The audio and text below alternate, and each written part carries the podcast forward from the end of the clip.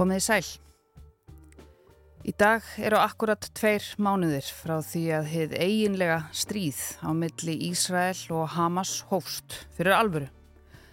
Aðstæður á Gaza verða hræðilegri með hverjum deginum og er nú líst einfallega sem helviti á jörð. Almennir borgarar, börn, hermenn og bladamenn láta þar lífið á hverjum degi og tölurnar eru orðna svo háar að verum eiginlega hægt að skilja þær. Mér mikið gleyma því að Gaza hefur náttúrulega verið svona ínánast í herkvi í 16 ár fyrir þetta, en að lífið á Gaza var ekkert dans og rósum fyrir þetta. En núna er einmitt eins og mann á samtökur hægt held ég að eiga orð til að lýsa ástandinu. Maður heyri svona, þú veist, þetta er bara áður óþægt stærð neyðin og ástandið þannig fólk veit ekki alveg bara hvernig þú komaði í orð, sko Óluf Ragnarsdóttir er fréttamaður Erlendu deildarinnar á fréttastofu Rúf og sérhæfir sig í umfjöllunum mið Östurlönd.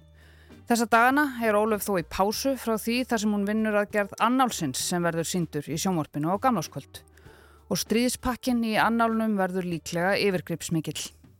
Sá uh, hluti er ekki alveg tilbúin en það er þetta náttúrulega ennþá í fullum gangi mm -hmm. og bara núna í gær var til dæmis frangatstjóri saminu því að virkja grein sem hefur ekki verið virkjuð í áratögi sem að gefur honum sest, með henni þá er hann að beðla beint til örgisra á saminu þjóðuna um að gera eitthvað af því að hann sér bara fram á að það verði bara algjör upplust og bara öll mannúðaraðstóð allt bara rinni núna á næstunni.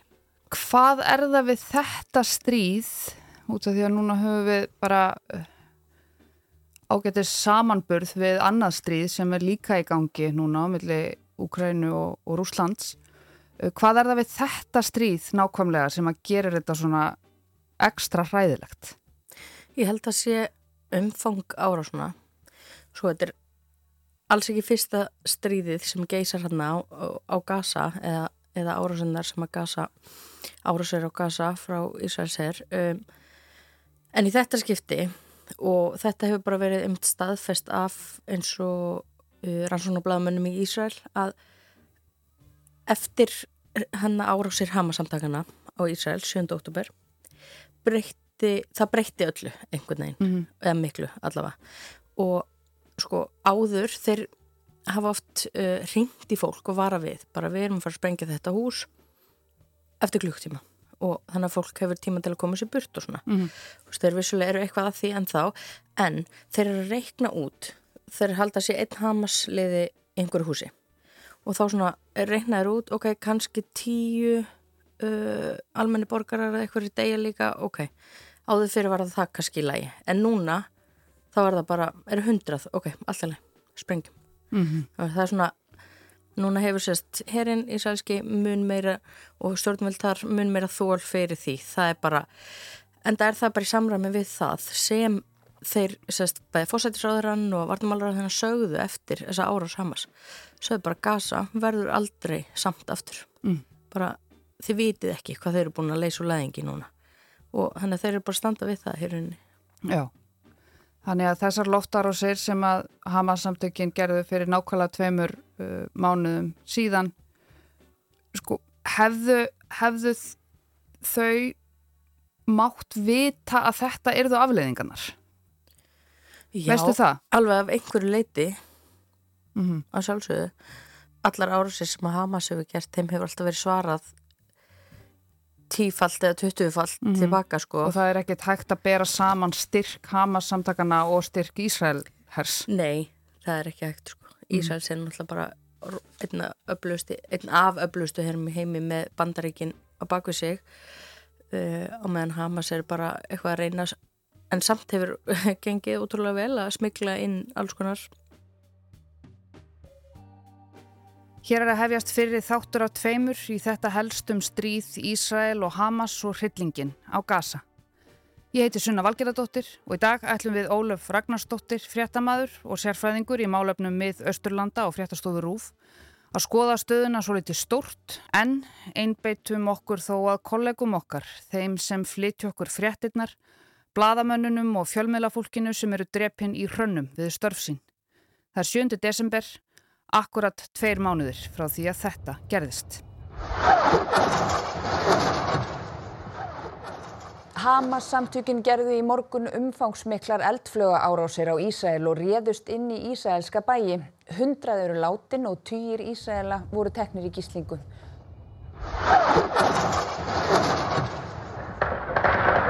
Mikil skelvi greip um sig meðal íbúa og mátti sjá líka á gödum úti. Árásinnar virðast hafa komið ísælskum stjórnvöldum í opna skjöldu en viðbröðin letu ekki á sér standa.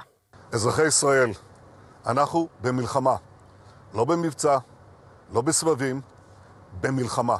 Upplýsingaflæðið frá Gaza hefur verið gífurlegt. Við sjáum nýjar fréttir nánast okkur einustu mínútu, nýjar myndir, ný myndskeið, nýjar tölur yfir dáið fólk.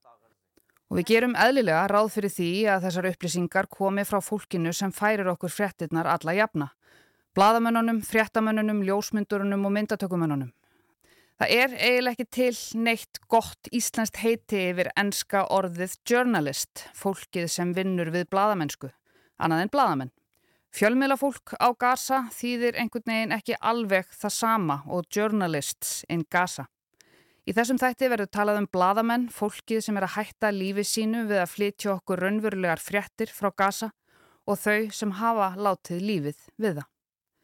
Að minnstakosti 63 bladamenn hafa dáið í stríðinu síðan það hófst fyrir tveimur mánuðum.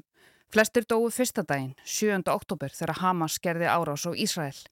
Næst blóðugasti dagurinn fyrir bladamenn var 18. november þegar 5 dói. Samtökin CPJ, Committee to Protect Journalists, sapna saman gögnum um alla bladamenn og þau sem starfa við fjölmiðla sem hafa verið drepinn eða meðst eða týnst síðan stríðið hófst og það hafa aldrei fleiri bladamenn látið lífið á jafn stuttum tíma. Síðan samtökin byrjuði að sapna gögnum árið 1992 fyrir meirinn 30 árum. 63 andlát eru kannski ekkit rosalega stór tala sem miðað við þetta óskiljanlega samhengi.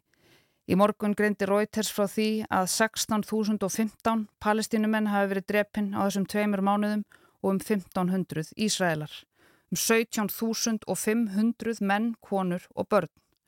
En dauði 63 dáina bladamanna getur haft og hefur nú þegar haft gífurlegar afleðingar. Það er samt rosalega tölur og ég hef lesið um þetta, um þetta þá er allavega einhver hluti af þeim drepin viðstörf og það er bara hreitn og klár stríðskleipur. Það er ekkert, það er bara staðrænt. Og bladamenn náttúrulega þeir, uh, það eru sérstaklega lög sem gilda Já. um vernd. Einmitt, og þeir eru Já. í vestum og, og svona þannig að það á ekkert að fara með mála og uh, tæknin sem að Ísæðs er yfir, yfir að ráða, veist, þeir vita alveg nákvæmlega hvernig þeir eru að drepa hvert sinn sko Mm. en áhrifin sem það hefur eru þau að líka sko blaðmenn komast ekki inn til gasa núna ef ég myndi vilja fara þangað ég kæmist ekkert inn Mm. þannig að um, þegar það verið að drepa blaðmennina sem þó eru þar og náttúrulega einhverju hafa flúið bara elendi blaðmenn að fara til fjölskyldna sinna sko menna eðlilega út að hætta og vera drepin bara hvenna sem er uh, að þá er bara upplýsingaflæðið munminna það þarf að treysta á bara uh, upplýsingar og myndskeið frá kannski almennum borgurum en það eins og allavega svona alvöru miðlar vilja staðfesta það áður en það setja eitthvað í lofti og það getur kannski stundu verið erfitt þannig að þetta bara hefur þau áhrif að við vitum minna Mhm. um það sem er raunverulega er í gangi þannig að inn á gasa og það eru bara það eru mér sér bara mörg ár síðan að tæknin var orðin þannig að það er hægt að framleiða alls konar uh, fréttaefni innan gæsalappa og matriða það sem frétt sem er svo bara alls ekki satt. algjörlega Þannig að upplýsingaflæð og þær upplýsingar sem við erum að fá kannski sérstaklega á samfélagsmiðlum og, og myndir og, og tölur og alls konar, það er bara erfitt að vita hvort að það sé það sé satt. Algjörlega og eins og í miðju stríði hvort sem er Úkraina, Rúsland eða Hamas, Ísrael þá þarf að bera að taka öllum upplýsingum frá stríðandi fylkingum með fyrirvara Mm. það sem Ísrael sér gefur frá sér og það sem Hamas gefur frá sér Mm. við vitum að þetta er alltaf líka áróðu stríð þannig að allavega uh, svona flestir miðlar sem uh, hafa almeinlega rítstjórn og svona mun treysta ekki þeim upplýsingum bara blá kallt, oft sett fyrir að sér samkvamt Ísraels er þá bla bla bla, mm. samkvamt hennar yfirvöldum á, í, á Gaza þá mm. bla bla bla þetta, að þau þarf alltaf að setja þess að fyrirvara, að þau ert ekki með fólk á staðinu sem getur einhvern veginn sannreint þetta. Talsmenn Ísraels hers hafa sagt við fjölmiðla að það sé einfallega ekki hægt að tryggja öryggi bladamanna á Gaza. Reuters óskaði eftir því í lók november að herin myndi ábyrgjast það að bladamenn erðu ekki sérstaklega gerðir að skotmarki og þetta voru svörin. Bladamenn á Gaza er í sérstaklega mikilvæg hættu, eðli málsins samkvæmt því þeir reyna að fremsta megni að miðla upplýsingum um það versta sem er að gerast og setja sig þar með í mestu hættuna. Á götum Gaza þar sem Ísraels herr stundar grimmilegan landhernað og sömuleiðis loft ára sér þar sem engu er hlýft. Fjarskiptarsamband er oft lítið eða ekkert, byrðir sumu leiðis og rámaksleysi varir oft dögum saman. Þetta er eins slæmar aðstæður fyrir bladamenn og hættur að hugsa sér. All right. Jumna, please take cover. If you are in a position to do so safely, you can explain to us what we're happening. If you are not in a position to do so safely, yes. then please get to safety. This is a missile attack on, on Palestine Tower. Right in the middle of Gaza City. These are bombardments just around our neighborhood. Um, you can hear how loud they are. Our building is literally shaking now. Mm. We can see Þú sagðir ef að ég myndi vilja fara þarna þá kemist ég ekkit inn. Þú uh, hefur búið í Palstínu, þú uh, talar arabísku og þú ert svona með austurlanda sérfræðingur fréttastofunar. Ef að þú fengir núna tölupústinn Sæl Ólöf uh, við höfum ákveðið að, senda fréttamann til Ísæl eða til Palstínu til þess að fjalla um stöðuna fjallum stríð, myndur þú vilja að fara? myndur þú segja já? Já, sko ég myndi heiklust segja já við því að fara til Ísæl eða Palstínu fara til Ísæl eða fara á Vestubakkan en náttúrulega á Gaza bæði myndi ekki komast nema einhverju hafa fengið að fara í fylg með Ísraels herr en þá er þetta að lúta ákveðnum skilirðum sem að herrin setur og það myndi ég ekki vilja gera, ég myndi bara vilja fá að sjá það sem ég vil sjá og tala við þá sem ég vil mm -hmm. tala við uh, en uh, og svo líka bara út af ástandinu á gasa mm. maður, það maður bara fara að bæta þá í neyðina, það kemur bara ein manneska í viðbútt sem að þarf að retta vatni fyrir og, maður er ekkert að fara að gera það mm. bara í mhm. rauninni, það er bara ekki í bóði sko en En já, ég myndi alveg hygglust fara á Vestubakkan eða til Ísrael mm. eða bæði.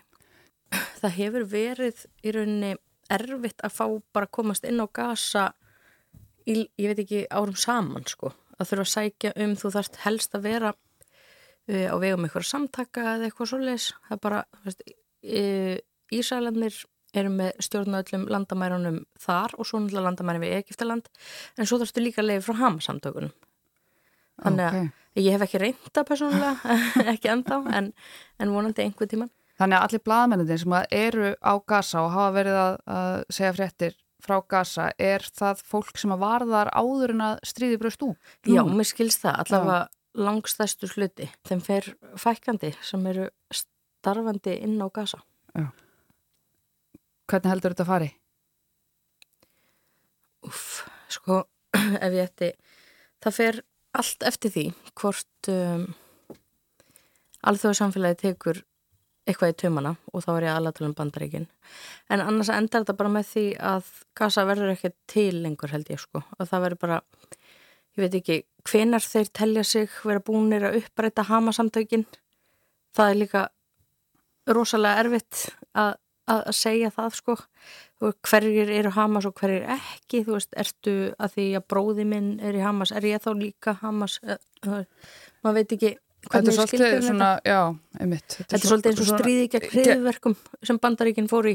Veist, hvernig ætlar að þegar þessum átökum líkur Ísraelsk stjórnveldur er líka bara búin að segja það þá þurfi, þá þurfi þau að fara nú með stjórn þarna í einhvern tíma og hvað það þýðir veit enginn mm -hmm. hversu langan tíma, hvernig stjórn. Það er lengt og ljóst markmiðið hjá allavega þessum stjórnvöldum sem eru núna við stjórnvöldin í Ísrael að halda áfram að taka yfir landsvæði sem palestinmenn búa á. Byggja fleiri landtökubiður á Vesturbakkanum og, og svo framvegis. Þannig að þetta bara gerist rosalega hægt og rólega en þetta endar örgulega bara með því að Palestína verður ekki til Sagði Óluf Ragnarstóttir, fréttamaður Erlendu deildarinnar á fréttastofu Rúf og sérfræðingur í málöfnum með Östurlanda. Ég heiti Sunna Valgeradóttir og líkur nú fyrri þætti af tveimur í þetta helst um stríðið á milli Ísrael og Hamas sem var helgaður bladamönnum í stríðinu og þeirri ógn sem stafar af upplýsingaskorti og skorti á réttum fréttum af þessu hræðilega stríði og auðvitað öllum stríðum. Á morgun færum við okkur aðeins nær, hingað heim í öryggið og skoðum hvað við Íslandingar erum að gera hvernig við erum að bregðast við eða ekki bregðast við því sem er að gerast fyrir botni miðjararhafs.